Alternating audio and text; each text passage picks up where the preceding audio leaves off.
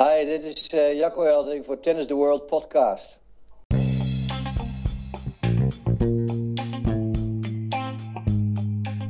Welkom bij de Tennis the World podcast. Als jij een fanatieke tennisser bent en graag beter wil worden, dan is dit de podcast voor jou. Samen met inspirerende gasten gaan we mooie gesprekken hebben, inspirerende verhalen horen en informatie geven, waardoor jij meer progressie kan boeken. Welkom bij de derde aflevering van de Tennis the World podcast. En ik heb echt genoten van dit interview met Jacco. Uh, Jacco die heeft ons meegenomen uh, op reis, zijn reis naar uh, zijn carrière als proftennisser. waarbij hij ook adviezen geeft, veel ingaat op voor jeugd, hoe zij er nu mee om kunnen gaan om de top te gaan halen. Maar ook zeker voor ouders. ben jij nou geen ouder met een getalenteerd kind of ben jij geen kind die de top wil halen, maar wil jij simpelweg gewoon beter worden, dan is dit ook een podcastaflevering voor jou, uh, waar je ook heel veel informatie uit kan gaan halen. Dus geniet van deze podcast. Welkom, goed dat jullie weer luisteren naar een nieuwe aflevering van de Tennis the World podcast. En ik zit hier nu met Jacco Elting. Uh, Jacco, welkom. Goed dat je erbij bent bij de podcast. leuk om er te zijn. Uh, goedemorgen Hugo, we nemen het vroeg op hè? We zijn vroeg op, ja. We zijn nu uh, half negen al uh, aan het opnemen. Dus uh, een vroege start van de dag. Dat is, dat is alleen maar mooi. Um, ja, Jacco, de eerste vraag die ik altijd heb aan een gast is: waar zou jij nou echt beter in willen worden? Zo, dat, we beginnen natuurlijk. Ik dacht we beginnen rustig eventjes, maar we beginnen dus meteen al stevig. Ja. Um, waar ben ik beter in worden? Piano spelen. Maar dat is echt een heel slap antwoord. als het meer gaat over. Um, persoonlijke vaardigheden.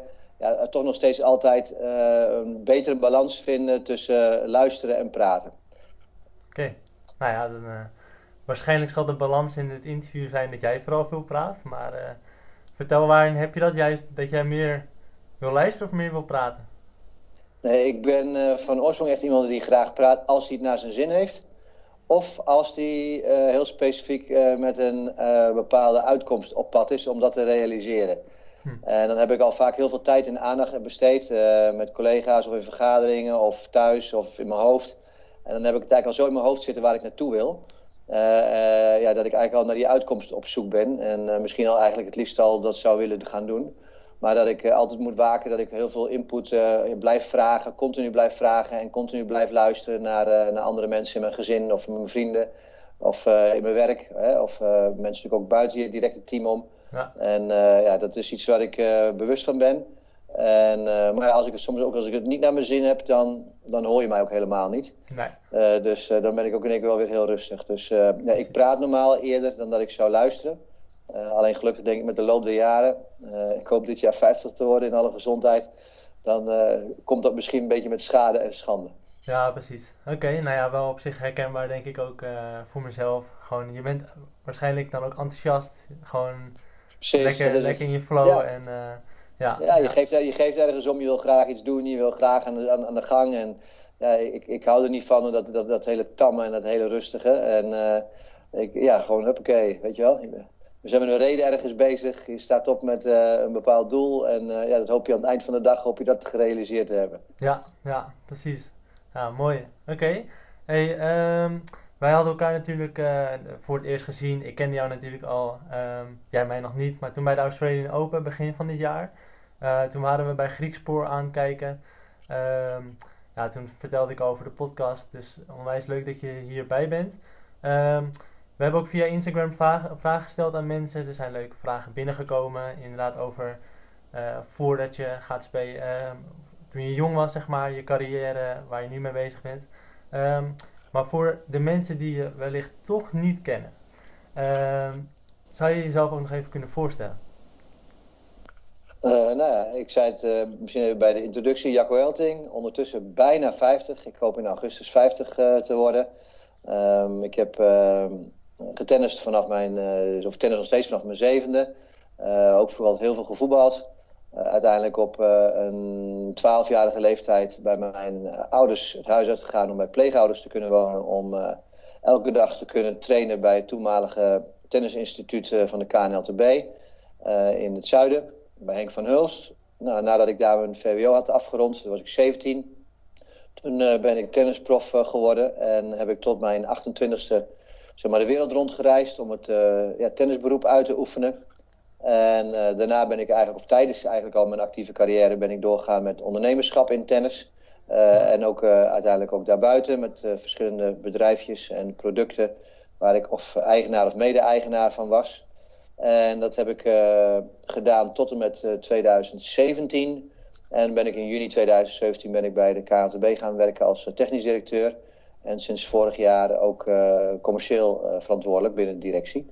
Dus dat zijn de twee ja, hoofdtaken binnen de portefeuilles die ik heb. De afdelingen zijn dan bij toptennis en de afdeling tennisleraren. En bij de commerciële zaken is het ook uh, de afdeling events die daarbij zit. En dat vind ik ontzettend leuk. Daar ligt mijn hart, daar ligt mijn passie.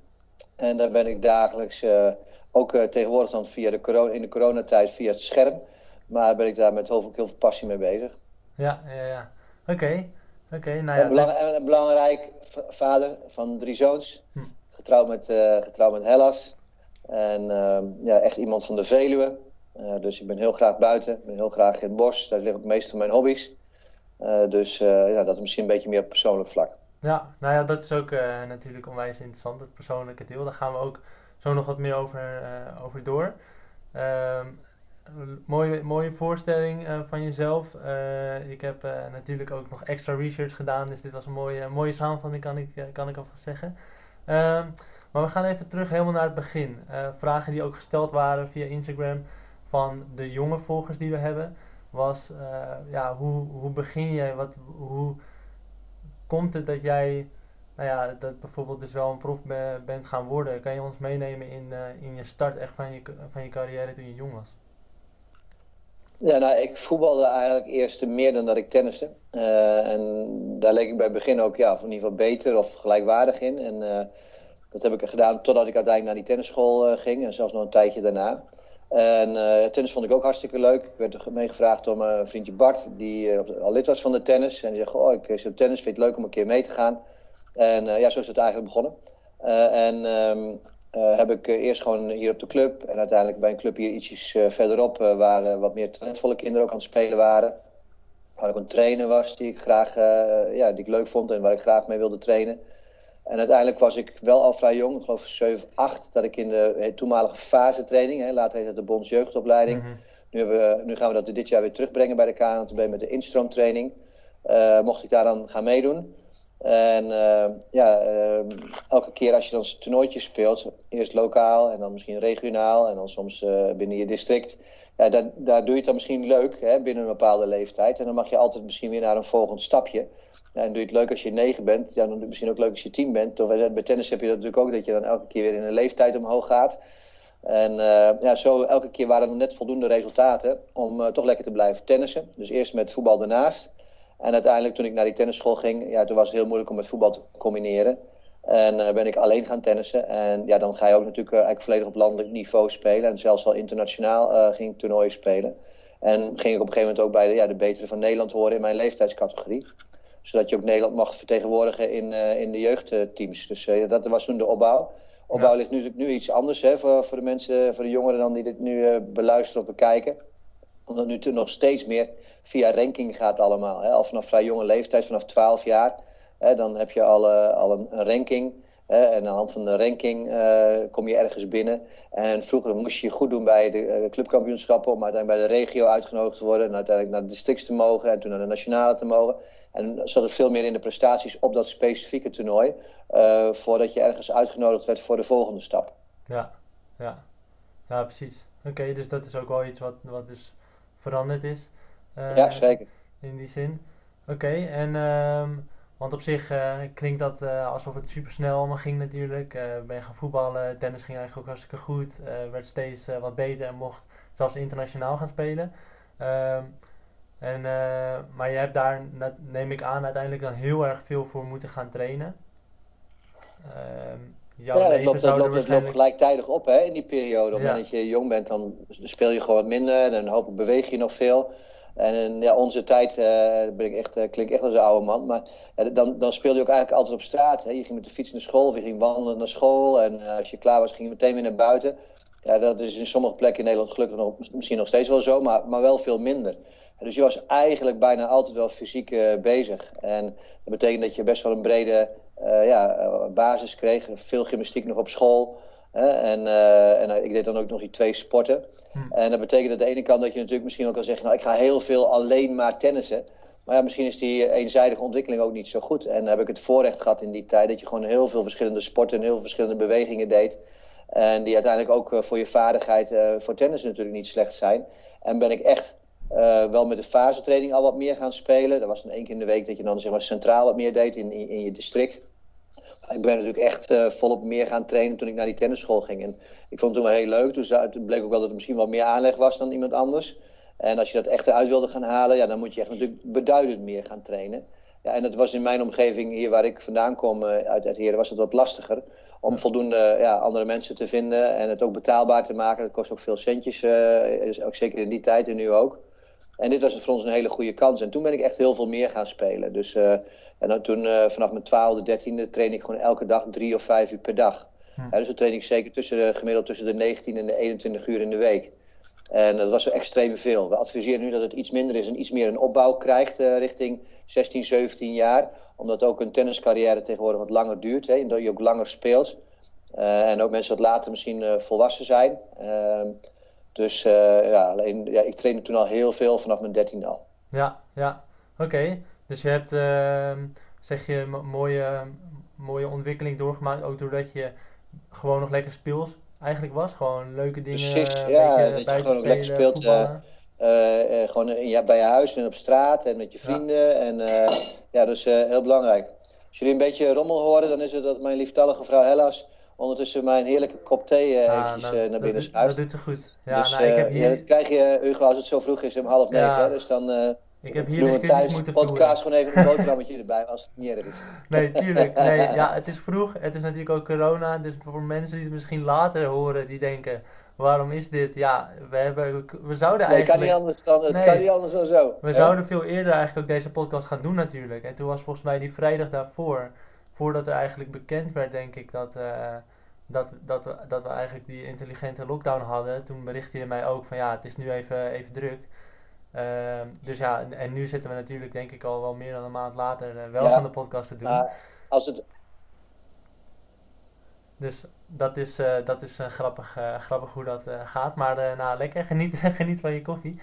Um, maar uh, ja, nee, dus gewoon lekker, lekker ook als, als jong kind. Ik heb zelf ook altijd gevoetbald. Uh, totdat ik ook na een tijdje dacht van ik vind tennis leuker. En bij mij was het totaal niet omdat ik uh, nou zo onwijs goed was. Maar gewoon omdat ik ook gewoon met school bijvoorbeeld keuzes moest maken. Maar ik hoor ook ja. van ja, jouw huidige omgeving. Daar was eigenlijk niet een omgeving om de topsport in te kunnen gaan. Je had gewoon niet de, waarschijnlijk niet de tennismakers of de trainingen die je zou willen hebben. Hoe belangrijk is dat geweest voor jou? Dat jij zo'n ja, verandering in omgeving kreeg? Ja, die is toch wel belangrijk. En dat is niet alleen meteen richting de topsport hoor. Ik denk dat het ook al één stapje daarvoor nog is. Zelfs binnen recreatief tennis, of als je net van recreatief naar prestatief uh, een beetje gaat, ik maar zeggen, qua beleving of qua uren of qua uh, wijze waarop de trainingen zijn ingericht. Hè, de, uh, dat, is, dat, is, dat is elke keer wel belangrijk. Ik denk dat als kinderen ehm, zich uitgedaagd willen voelen ergens, hè, waar ze passie voor hebben, hè, eh, dan, dan is het belangrijk dat je dat aanvoelt als leraar, als ouder, als mhm. tennisleraar. En dat je moet proberen natuurlijk om die kinderen A, zoveel mogelijk natuurlijk bij elkaar te krijgen. En ook uh, ja, te identificeren en te stimuleren daarin. En dat is soms moeilijker als je uh, op een grotere vereniging bent waar echt volledig recreatief is ingesteld. En die kinderen die ook misschien op termijn hè, naar prestatief willen gaan, om die uiteindelijk een plekje te geven binnen een grotere groep. Um, terwijl je vaak wel een groep nodig hebt om ook weer hè, eh, extra plezier daarin te hebben en extra reden hebben om ergens naartoe te gaan. Maar hetzelfde zie je in een klas op school. Als je een klas hebt met 25 kinderen, ja, niet iedereen zit ook op basisschool zit, uh, op hetzelfde intelligentieniveau. Maar toch moet de meester of een juf moet daar iets goed van maken. Hè, de kinderen die wat moeite hebben om aan te klampen, om die extra misschien tijd te geven. Maar degene die heel erg goed gaat in de klas, die kan je ook niet zomaar aan zijn lot overlaten. Die moet je ook een kans geven om te ontwikkelen. Ja. En, ja, en ik denk dat bij, bij tennis is dat precies hetzelfde. Je moet toch uh, altijd kijken van ja, iemand van 7 of iemand van 9 of iemand van 11. Uh, eh, de een die groeit harder dan de ander, zowel geestelijk als fysiek. En, en het is heel erg belangrijk dat je altijd probeert te horen bij een groep die uh, jou uitdaagt waar je je gehoord voelt, waar je graag naartoe gaat. En ja, zodra dat er niet is voor een jong iemand, dan is het vaak een reden om ermee te stoppen. Of iets anders te gaan doen. Of misschien niet het maximale proberen eruit te halen. Dus ik denk dat van dat hele traject ook weer van, van recreatief naar prestatief, dat het heel erg belangrijk is om met regelmaat te veranderen van locatie. En juist met heel veel dankbaarheid de locatie waar je vandaan komt, uh, uh, ja, gewoon nog steeds al een goede band mee te houden. en te zeggen, goh, jullie hebben mij geholpen, onwijs geholpen in deze periode. Maar het is nu tijd voor misschien een andere plek of voor een volgende stap. En ja, dat is wel een heel kwetsbaar iets op dit moment, Hugo. In, gewoon ook in het Nederlands tennis, omdat ja, gewoon ook voor de, de leraren en, en, de tennisscholen. Die hebben toch gauw de neiging uiteindelijk, zodra je iets ziet van een kind die graag van recreatief naar prestatief wil. En die het eigenlijk ook goed doet. Hè, om daar liefst even een muurtje omheen te metselen en uh, daar, te, daar te houden.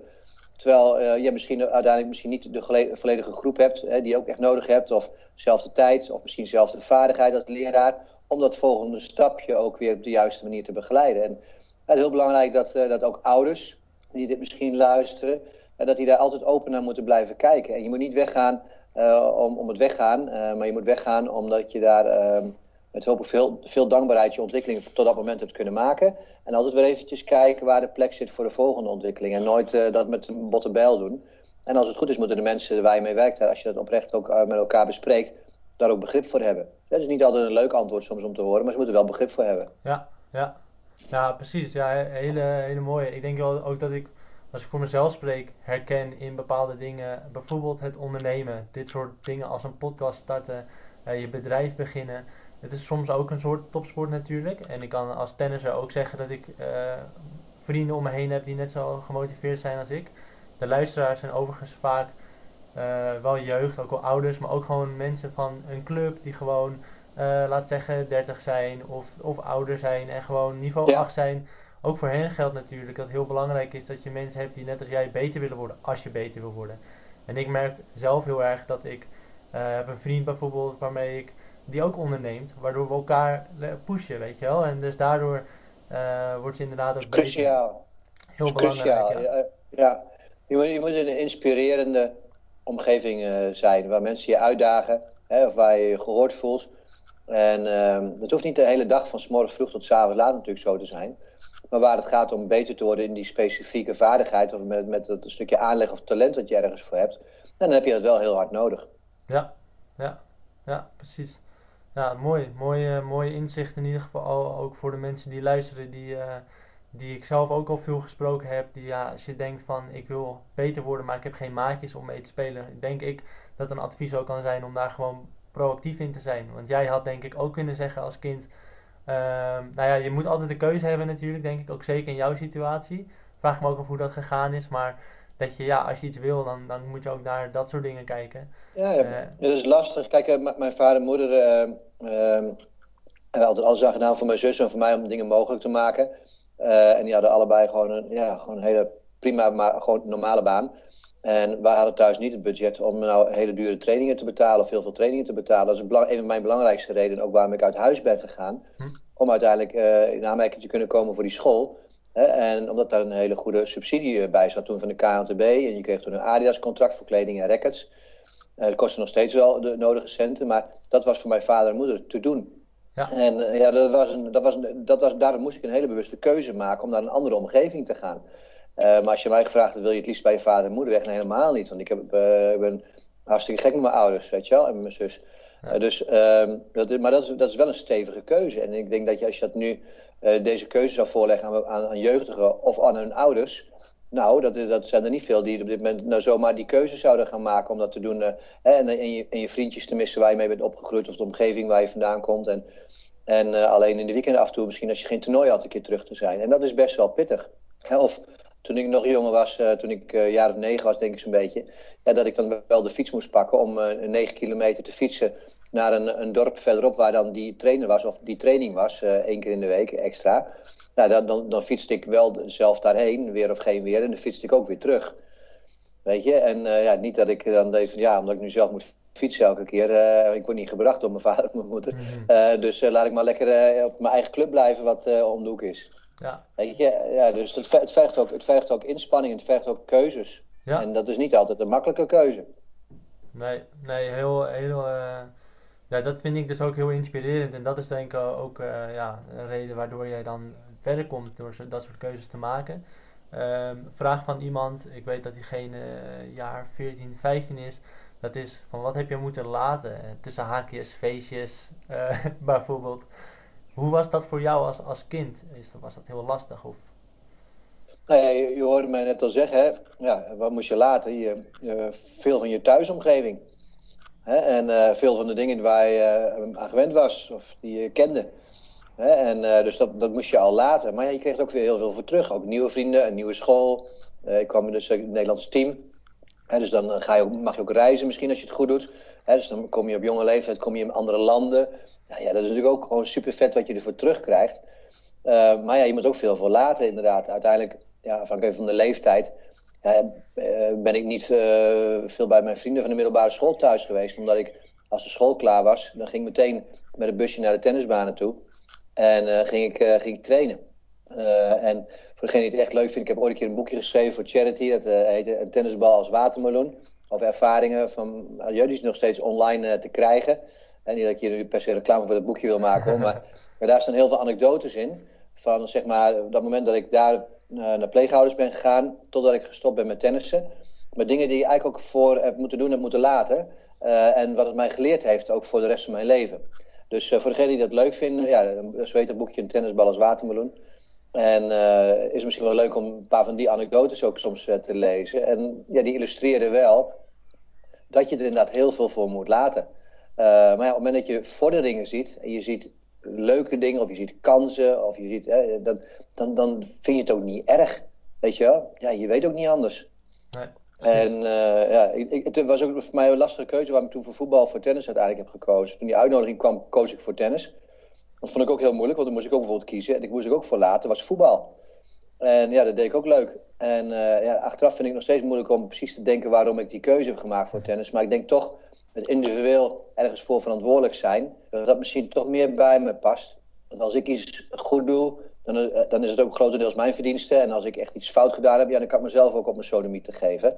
Eh, dat is misschien in voetballen soms iets anders, weet je. Ik speelde altijd voorin. En als ik er vijf inschoot, maar de verdediging liet er zeven door, dan dacht ik, ja, dat was een slechte dag. Weet je, en, en andersom hetzelfde. Ook al wonnen we en ik had niet gescoord, dan had ik ook nog steeds een slechte dag. ja, heel herkenbaar, ja. ja. Ja, grappig. Grappig.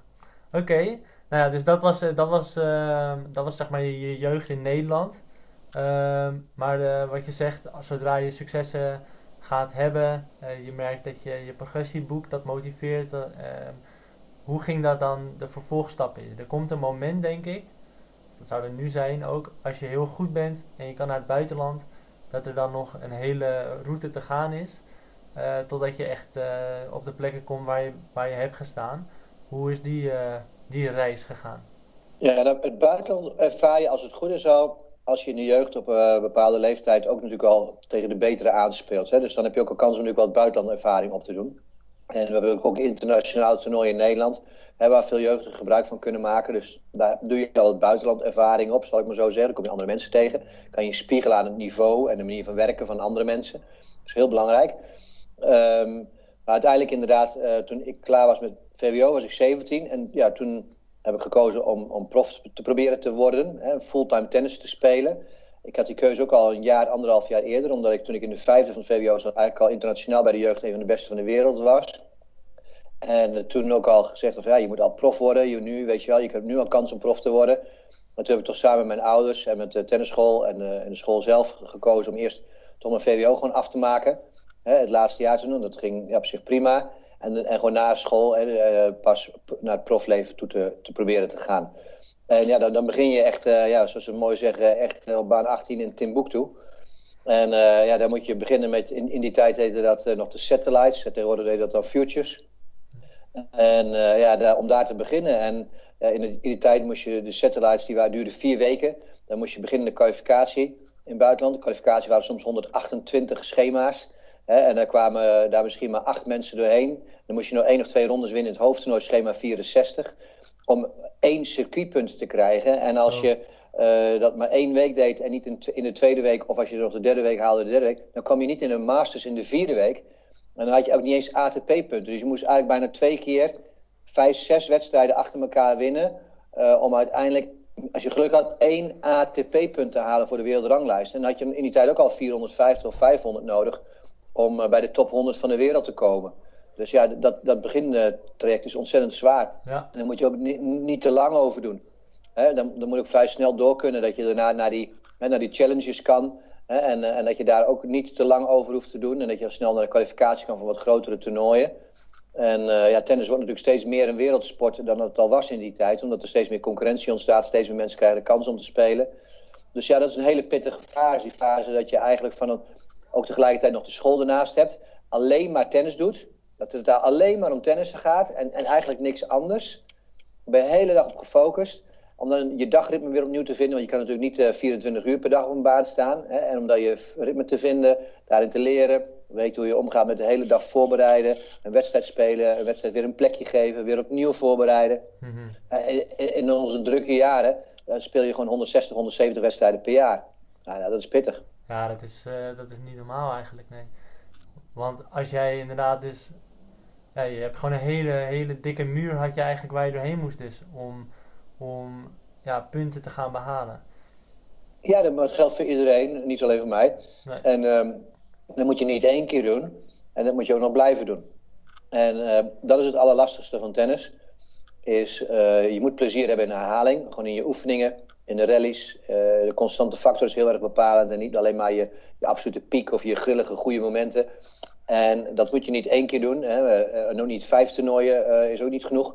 En je moet eigenlijk een heel jaar door moet je relatief op een hoge constante factor spelen. Wil je een hogere ranking afdwingen. en af en toe met een piekresultaat kan je misschien even een sprongetje maken. Maar daarna moet je de hele tijd weer dat laten zien. en dat maakt het zo bizar. Als je nagaat wat zo'n Federer of zo'n Nadal en een Djokovic wat die presteren, op welk niveau die acteren nog steeds qua bewegen en, en, en, en fysieke en geestelijke vaardigheden. Ook mensen die nog nooit gespeeld hebben, zeker mensen die wel gespeeld hebben, die, die kunnen misschien iets beter inschatten. Het is ongelooflijk wat die gasten kunnen, fysiek en geestelijk. En, en, en jaar in, jaar uit. Dat is gewoon echt ongelooflijk. En je weet wat je daarvoor moet doen om dat te kunnen en dat vast te houden. Ja, dat is zo'n bijzonder respect, heb ik daarvoor. Niet normaal, nee. Maar ja, dat is echt die consistentie wat je ook al zegt. Je moet het, je moet het vol kunnen houden. En uh, met, met Ruben Nijens hadden we het woensdag ook over jeugd die dan heel veel toernooien speelt. Uh, waarbij het ook uh, soms goed is om juist even rust te nemen. Wellicht middenin dat je juist de rest heel erg hard aan, aan wedstrijden, met wedstrijden bezig zijn. Hoe, hoe was dat voor jou ook fysiek? Ik bedoel, je kan ook een Federer, ook een Nadal, ook een Djokovic, die moeten ook hun rust pakken. Hoe ging, dat, ja. hoe ging dat voor jou, die balans ook daarin vinden? Van wedstrijden spelen, Moeilijk. trainen? Goed luisteren, goed, gewoon goed luisteren naar mensen die je daarin vertrouwt en die je de kans geeft om met jou te werken als, als kind en als ouder maak je die meeste dingen natuurlijk allemaal ook voor het eerst mee. En, en je gaat 100% fouten maken, dat moet je ook accepteren. Maar laat het ook met name over aan mensen die jou heel goed kennen en die jou graag willen helpen. En die er misschien meer verstand van hebben dan jij zelf. Ja. En dat is belangrijk advies, met name ook naar ouders op dit moment, vind ik. Want ja, daar ontbreekt het heel vaak aan. Dan is het niet zozeer het kind, maar heel vaak de ouders. Die toch wel een vorm van eigen wijsheid eigenlijk hebben. En uh, omdat ze betalen, en denken dat ze iets van tennis misschien al een beetje weten. Dat ze dan daarmee kunnen bepalen of inschatten wat er echt voor nodig is voor hun eigen kind. En ze kennen hun kind natuurlijk wel als kind zijn. En dat is heel belangrijk, die informatie. Maar ze weten niet soms hoe dat hun balans is met wat er voor nodig is voor tennis inderdaad. Om je, je rustverhouding, je, je, je trainingsverhouding, je, wanneer speel je je toernooien. En als we nu op dit moment, en, vroeger ook discussies hadden, dan gaat het bijna altijd daarover. Over de balans, werk, eh, rusten en werken. Eh, en tegelijkertijd binnen je werken je balans tussen trainen en wedstrijden spelen. En het is altijd een, een, voorbeeld dat ik geef, en het is misschien heel slap. Maar ik zeg ja, als je je kind naar de tandarts stuurt, uh, dan ga je ook niet met de tandarts overleggen over wat voor soort vulling er misschien wel of niet nee, in gaat moeten. En, en hoe die dat moet gaan oplossen. Dan ga je eigenlijk niet heen. Die gaat naar de tandarts toe, omdat je de tandarts respecteert en de huisarts. Omdat die daar hopelijk heel veel ervaring mee hebben. En hopelijk de beste keuzes maken voor jouw kind op een of andere manier, als we met een tennisleraar en tennisschool in gesprek gaan, dan hebben we toch heel vaak met de KNLTB, dan zien we toch heel vaak dat uh, uh, de ouders toch altijd nog even blijkbaar toch iets meer van weten en dat ook graag eventjes willen mede en zelfs daar vaak naar willen handelen of daar keuzes naar maken voor ja, de kinderen. Ja, precies. Een soort van de, de expert spelen terwijl je het niet bent. Ja, en ik denk dat dat zie ik zelf wel veel ook bij, bij andere groepen die gewoon graag beter willen worden ook alleen als je vraagt waar wil je beter in worden.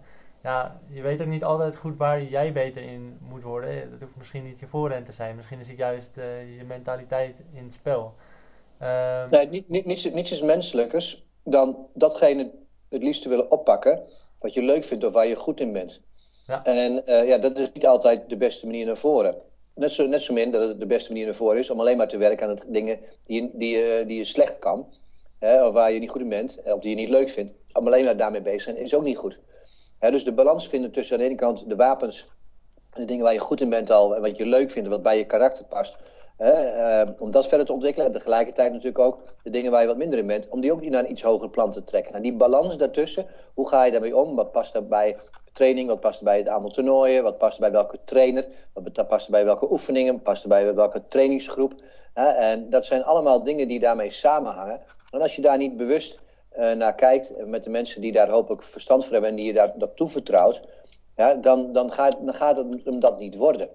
En dan ga je ergens in die balans tussen die dingen die je daar moet zoeken, ga je fout. Ja.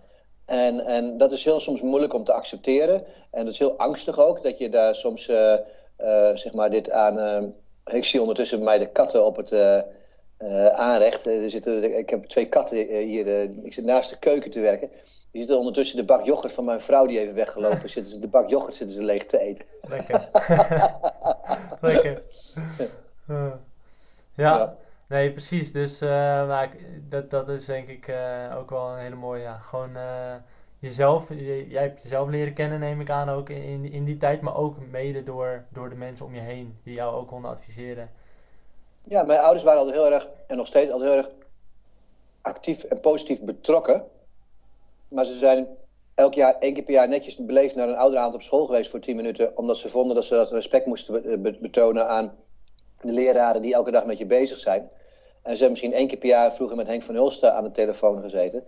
Uh, als er, uh, gewoon even als een update of als het echt een keer iets was. Maar die, hebben, die, hebben, die zijn er nooit geweest. Die, die hebben eigenlijk daar nooit mee bemoeid. Hm. En ze gingen altijd graag met me mee. Ze gingen graag bij de wedstrijden kijken. En, uh, maar ze hebben het coachen altijd aan de, ja, de leraren overgelaten. En ja, terwijl mijn vader heeft uiteindelijk ook zijn tennisdiploma gehaald om mij, mijn carrière beter te begrijpen. En uh, hij had ook wel de neiging natuurlijk om uh, wat te zeggen. En ik kan me herinneren dat ik toen ik, ik weet het niet precies meer, het was een jaar 13, 14 of zo. Uh, dat dat mijn vader na een wedstrijd in de auto, dus je dan weer naar huis rijdt van het toernooi, ik had hem niet gewonnen. En dat hij tegen mij begon te praten wat er niet goed gegaan was, wat er, wat er wel goed gegaan was. Zo. Op een gegeven moment had ik tegen mijn vader gezegd, ik zeg pap, ik zeg dank voor de input. Ik zeg maar, ik heb liever een vader dan een tweede coach. Ah, ja, ja, ja. En dat was best hard. maar ja, dat was wel heel helder. Het is wel gezonder ook, denk ik. Ja, en zo hebben we het altijd, zo hebben we het altijd ervaren. En daarmee niet zeggen dat, ze, dat ik graag naar hun luister, want hun input was heel belangrijk, omdat zij mij heel goed kennen. Hè? Maar tegelijkertijd weten zij niet wat het beste is voor tennissen. Nee. En, uh, en die balans vinden en daar ook als kind uiteindelijk de dingen uitpikken bij de mensen die in jouw nabije omgeving zijn. En dat eruit te pikken wat je nodig hebt. Dat is een vaardigheid. Ja. En je ziet degenen die die vaardigheid niet hebben of dat niet bewust beleven, dat die helaas het vaak ook niet redden. Nee, precies. En dat is ook wel ehm, een vraag die ook misschien bij veel meer mensen speelt. Is, we hebben natuurlijk, nou ja, uh, Jacco Elting gehad, Richard Krijtjek, uh, Paul Haarhuis wil ik zo ook nog wat over vragen als we daar nog tijd voor hebben. Uh, maar dat was natuurlijk, waren, waren mooie successen. En het is misschien nu ook wel een tijdje dat we op zoek zijn. Of denk jij dat, er, dat we op zoek zijn naar, naar, naar successen op dat gebied voor Nederlanders? Ja, het is heel moeilijk om dat te generaliseren, Hugo. Maar ik heb wel een hele saaie zin.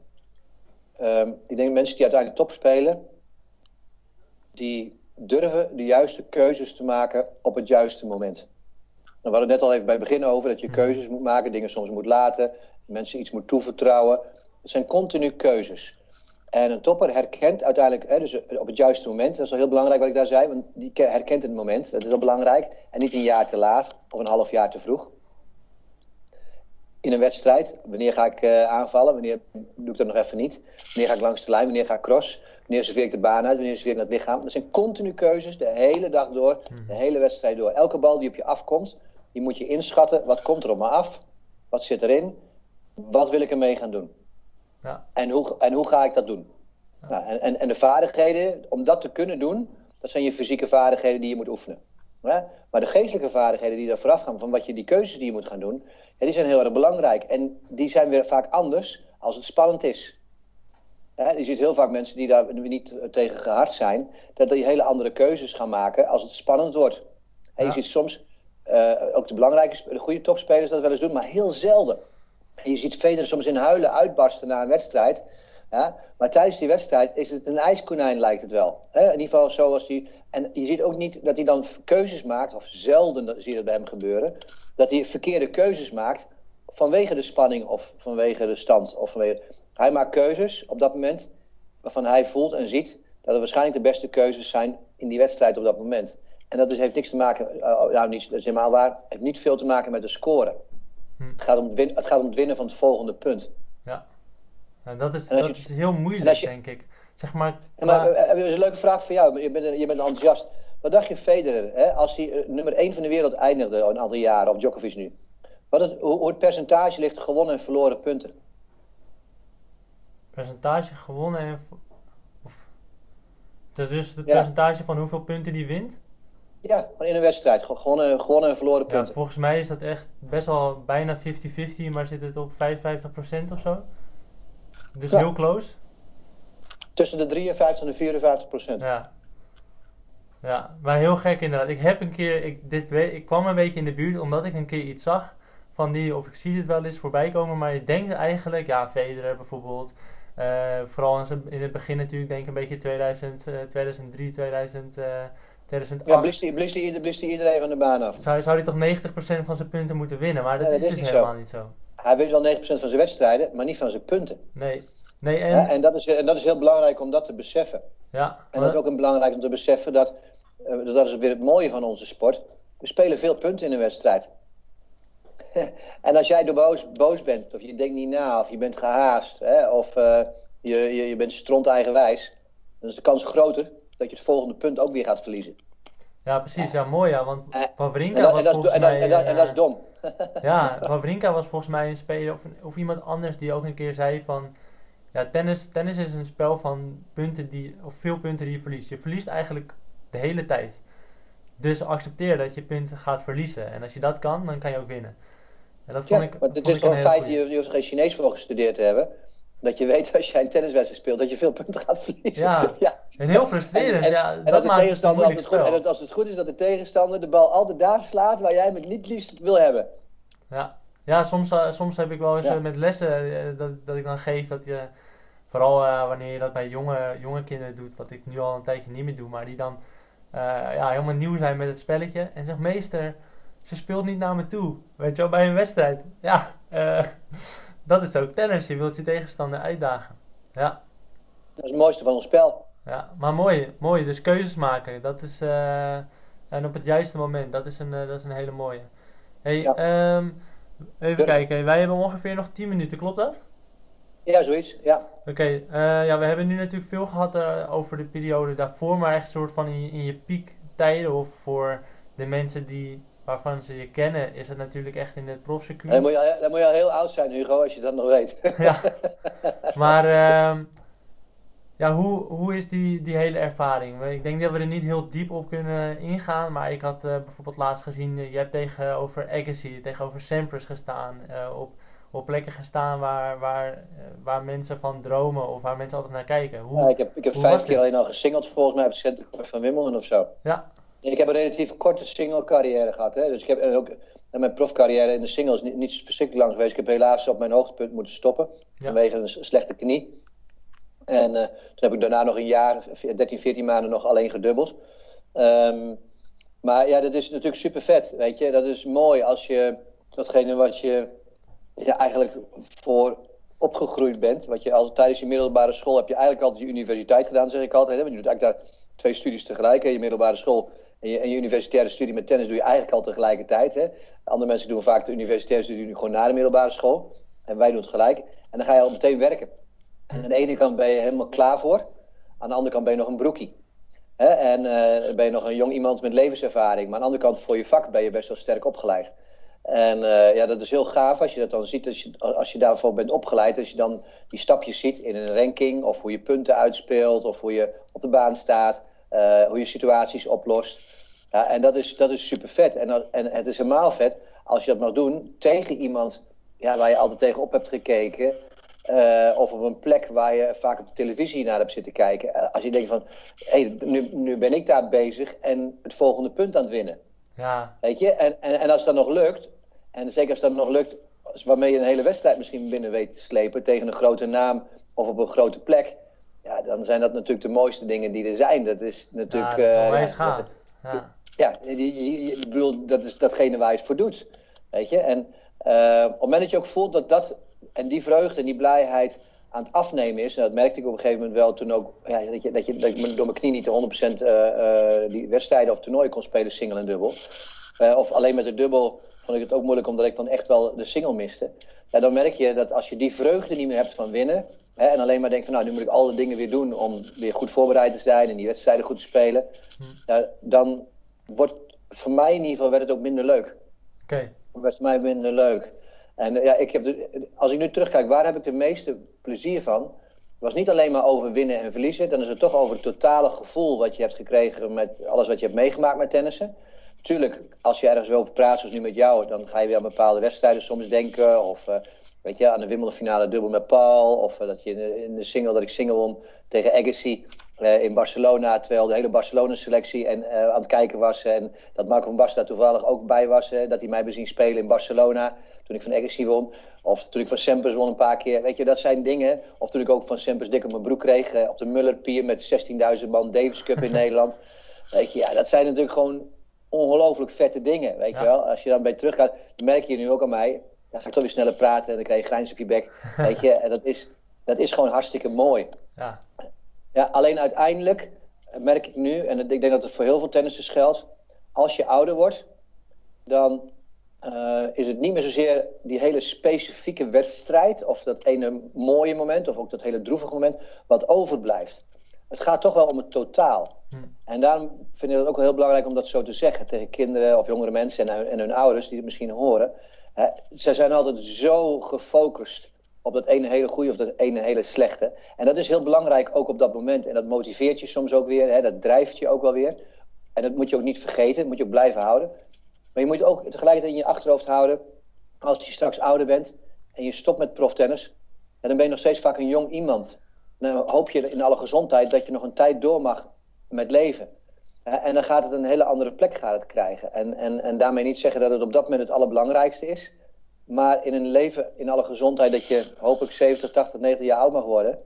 Ja, dan, is een, dan, dan is de jaren misschien tot je dertigste gemiddeld, hè, misschien nu ietsjes langer als je mazzel hebt. Maar die, die, dan, dan zijn die acht tot tien jaar dat je prof bent. Hè, of misschien hebben sommigen die weer mazzel hebben, weer ietsjes langer. Of die zichzelf goed onderhouden hebben. Dan is er maar een heel klein stukje. Ja, ja precies. Het is niet dat je, dat je er. Ja, dat het ultieme doel is van het leven, zeg maar. Zo zou nee, je wel kunnen zeggen. nee, dat klinkt, heel, dat klinkt heel zwaar, hè? Dat Mhm. klinkt heel zwaar zoals we over praten. Maar het is wel belangrijk. Ja. En, en zo moet je ook, als je belangrijke wedstrijden hebt, moet je ook je wissels gebruiken. Of de punten tussen, uh, de tijd tussen de rallies. Hè? En je moet altijd toch even realiseren. Ja, ik wil super graag winnen. Ik doe er alles aan om te winnen. En ik ben super fanatiek. Maar je moet het altijd wel even weer in perspectief plaatsen. Dat je ook, als het goed is, s'avonds gewoon weer naar bed toe kan. Precies, ja, hele mooie, ja. Ja, dat denk ik, uh, denk ik heel, uh, hele goeie. eventjes, eventjes zien wat het betekent voor de mensheid. Als jij een punt wel of niet verliest op een baan op je club of een baan bij een toernooi. Ja, het is super belangrijk. Zo moet je het ook ervaren. Maar je moet het altijd wel eventjes in perspectief zien. Het is een soort van belangrijk en niet belangrijk. Ja. Dat is het een beetje. Ja. Oké, hey, we zouden nog, uh, ik zou natuurlijk heel, uh, heel veel nog door willen gaan op uh, dingen in je carrière. Ook met Paul Haarhuis, hoe dat allemaal ontstond. Ehm, maar we zitten ook een beetje tegen de tijd aan. Dus waar, daar kunnen we wellicht een, een keer een ander moment. Anders dan doen we een keer een herhaling. Dan doen we nog een keer een, een podcast 2, zou ik maar zeggen. Precies, zo, dan, gewoon versie 2. Ja.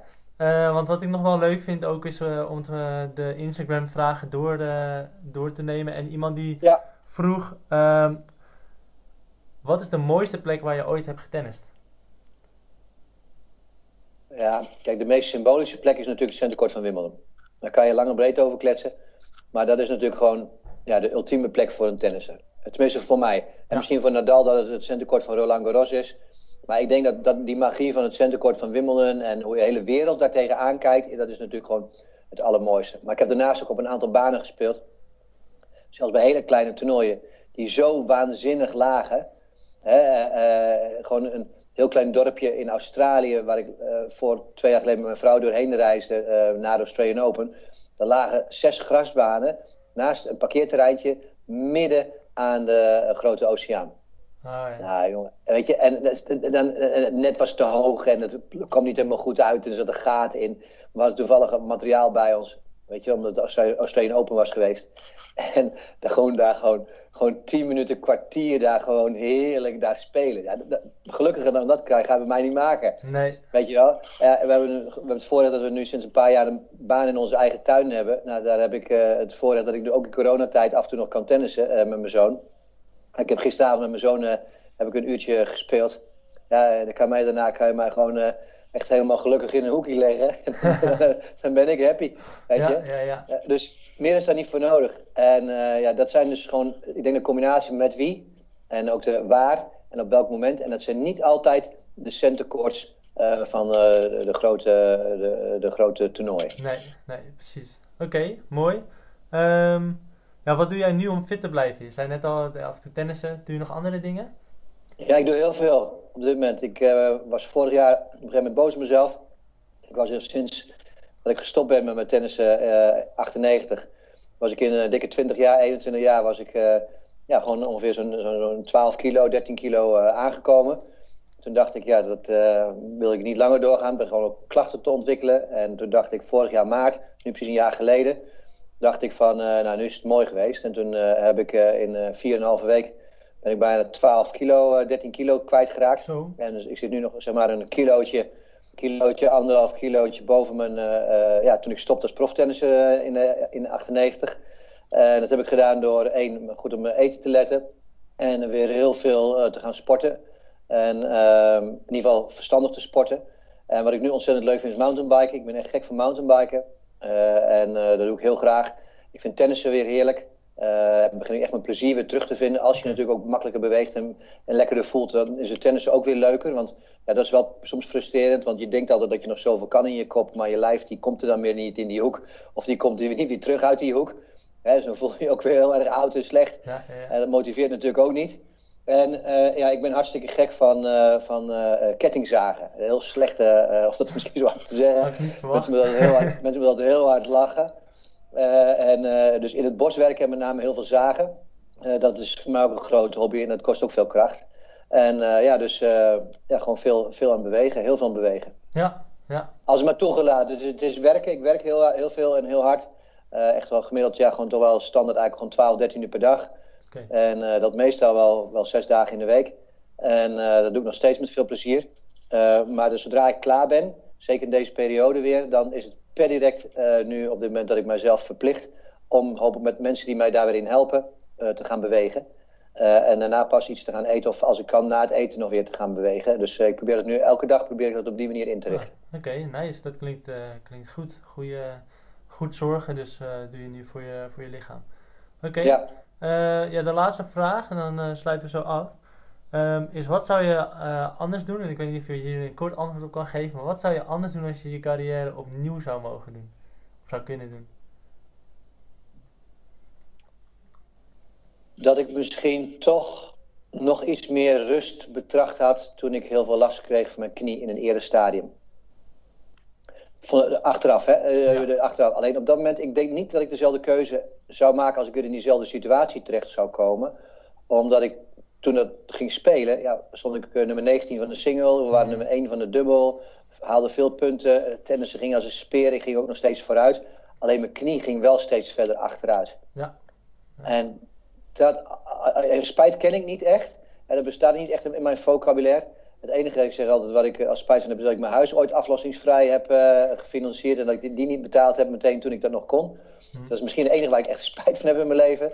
Hè, uh, ja. Maar um, dat, dat is een situatie waarvan ik denk, achteraf had ik daar misschien een, een andere keuze kunnen maken. Hmm. En dan had ik misschien ook niet, ook niet zo op zo'n jonge leeftijd de keuze hoeven te maken om te stoppen met tennissen. Precies, oké. Okay. Nou ja, keuzes weer dus. Zoals wij zelf zeg maar ook zei, van ja, keuzes, die heb jij uh, heel vaak goed gedaan. Dat eh, heb je... Ja, maar nog, nog, nog vaker fouten, Hugo. Ja, maar ja. Ik laat het zo zeggen, ik heb er in ieder geval vaak bewust over nagedacht. Ja, En ik denk dat dat heel belangrijk is. Dat je gewoon over nadenkt. Ook niet te lang, maar dat je altijd probeert de maximale informatie op te halen die er is van mensen die er verstand van hebben. En dat heb ik altijd gedaan. Als ik het niet wist, ging ik naar iemand vragen die het al meegemaakt had of die er beter was eh, eh, of beter is dan ik. En dat, dat doe ik tot de dag van vandaag. Eh, ik, ik kan niet zonder mensen die op alle punten, er is niets. Uiteindelijk toen ik even nummer 1 van de wereld stond in de dubbel, was ik misschien de beste ergens in dat dubbel. Hè, maar was ik nog steeds niet de beste met de returns. Had ik nog steeds niet de beste volleys. En ik heb altijd, eh, ja, dat doe ik nog steeds, altijd eh, proberen eh, hulp te zoeken bij mensen die dingen beter kunnen dan ik. En altijd aan hun gevraagd, hoe doe jij dat? Of naar hun gekeken en, en, en ook niet ingewikkeld over gedaan. Maar die informatie die verzamel ik van alle mensen die slimmer zijn dan ik.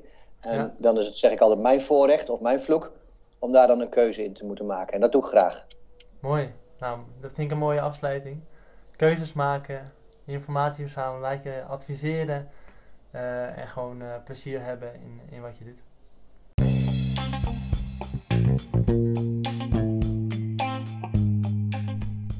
Bedankt voor het luisteren naar deze aflevering van de Tennis the World podcast. Heeft deze podcast jou geholpen, dan hoop ik dat jij ons ook kan helpen naar meer luisteraars. Deel deze podcast in jouw Instagram. Wij gaan jou reposten. Wij gaan een connectie met jou leggen. Ehm, en als jij ons nog meer wil helpen, schrijf dan even een review op Google over wat je van Tennis World vindt. Of schrijf een review op de Apple app. Eh, en dan zijn wij onwijs blij. Dus bedankt voor het luisteren en tot de volgende keer.